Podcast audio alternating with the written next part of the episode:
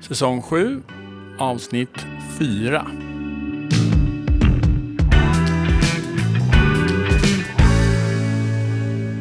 Här kommer vi då till steg nummer två.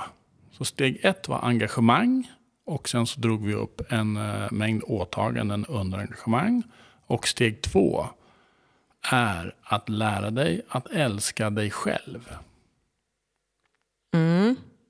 Gay och Kathys eh, beskrivning av det här är att man kan lära sig att älska sig själv genom den andra.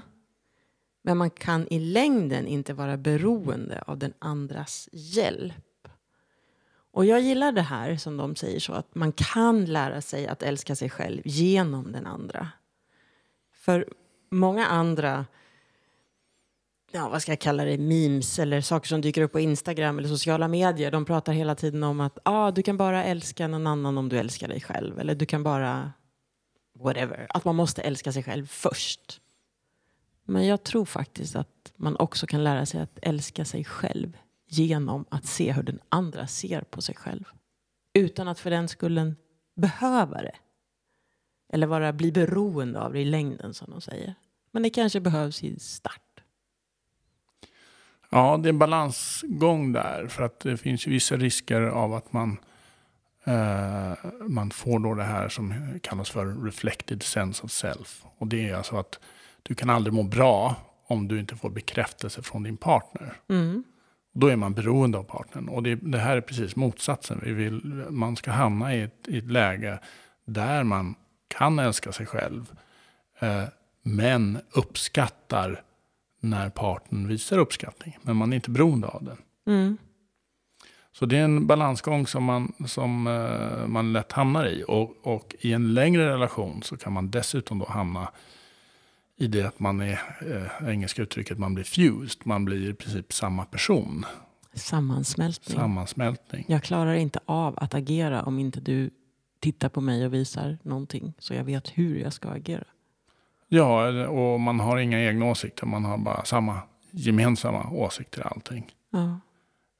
Um, så det är lite ris risker i det här. Och, uh, och motsatser, motsatsen är då att, att faktiskt kunna älska sig själv.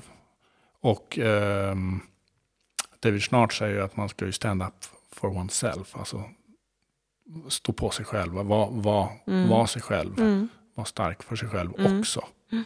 Men jag gillar också hur de säger här att sure, du kan, du kan älska dig själv genom att genom den andra, men inte i längden vara beroende av det. Så har du en dipp, ta hjälp. Men det får för tusan inte vara flera år. Nej. Den kanske inte ens får vara en månad, men den kanske får vara en vecka. Ja, korta stunder av, ja. av uh, återigen, att ge ett stöd. Ja, men precis. Men inte ta över uppgiften. Nej, för det är ju det här också. Den andra kanske kliver in och, och är den här fixartypen och tar över det här åt dig. Och då kanske det inte ens är du som liksom behövde det från början utan den andra som kanske behöver ge, skapa det här. Ja, ni hör, det finns ju otroligt många trassliga möjligheter i det här. Men se om du kan vara medveten om hur det är för dig i alla fall. Då. Och se om du kan boosta dig själv och älska dig själv. Tycka om att vara dig själv lite mer. Och det är ju en del av din tillväxt också. Mm. Så att om din partner kommer in och hjälper dig för mycket så hämmar den dig i din tillväxt. Mm. Så det är det ju negativa med att få för mycket hjälp av, av partnern. Mm. Och det här hänger ju som, som alla deras steg nästan ihop med det här första steget om alla åtaganden. För förbind dig själv att ha lite mer roligt i din relation, eller hur? Ja. Då kommer du ju att tycka om dig själv mer och mer. Borde vara lättare. Ja. Ja. Bra. Vi nöjer oss där. Älska dig själv. Och eh, så ser vi vad vi ska prata om i nästa avsnitt.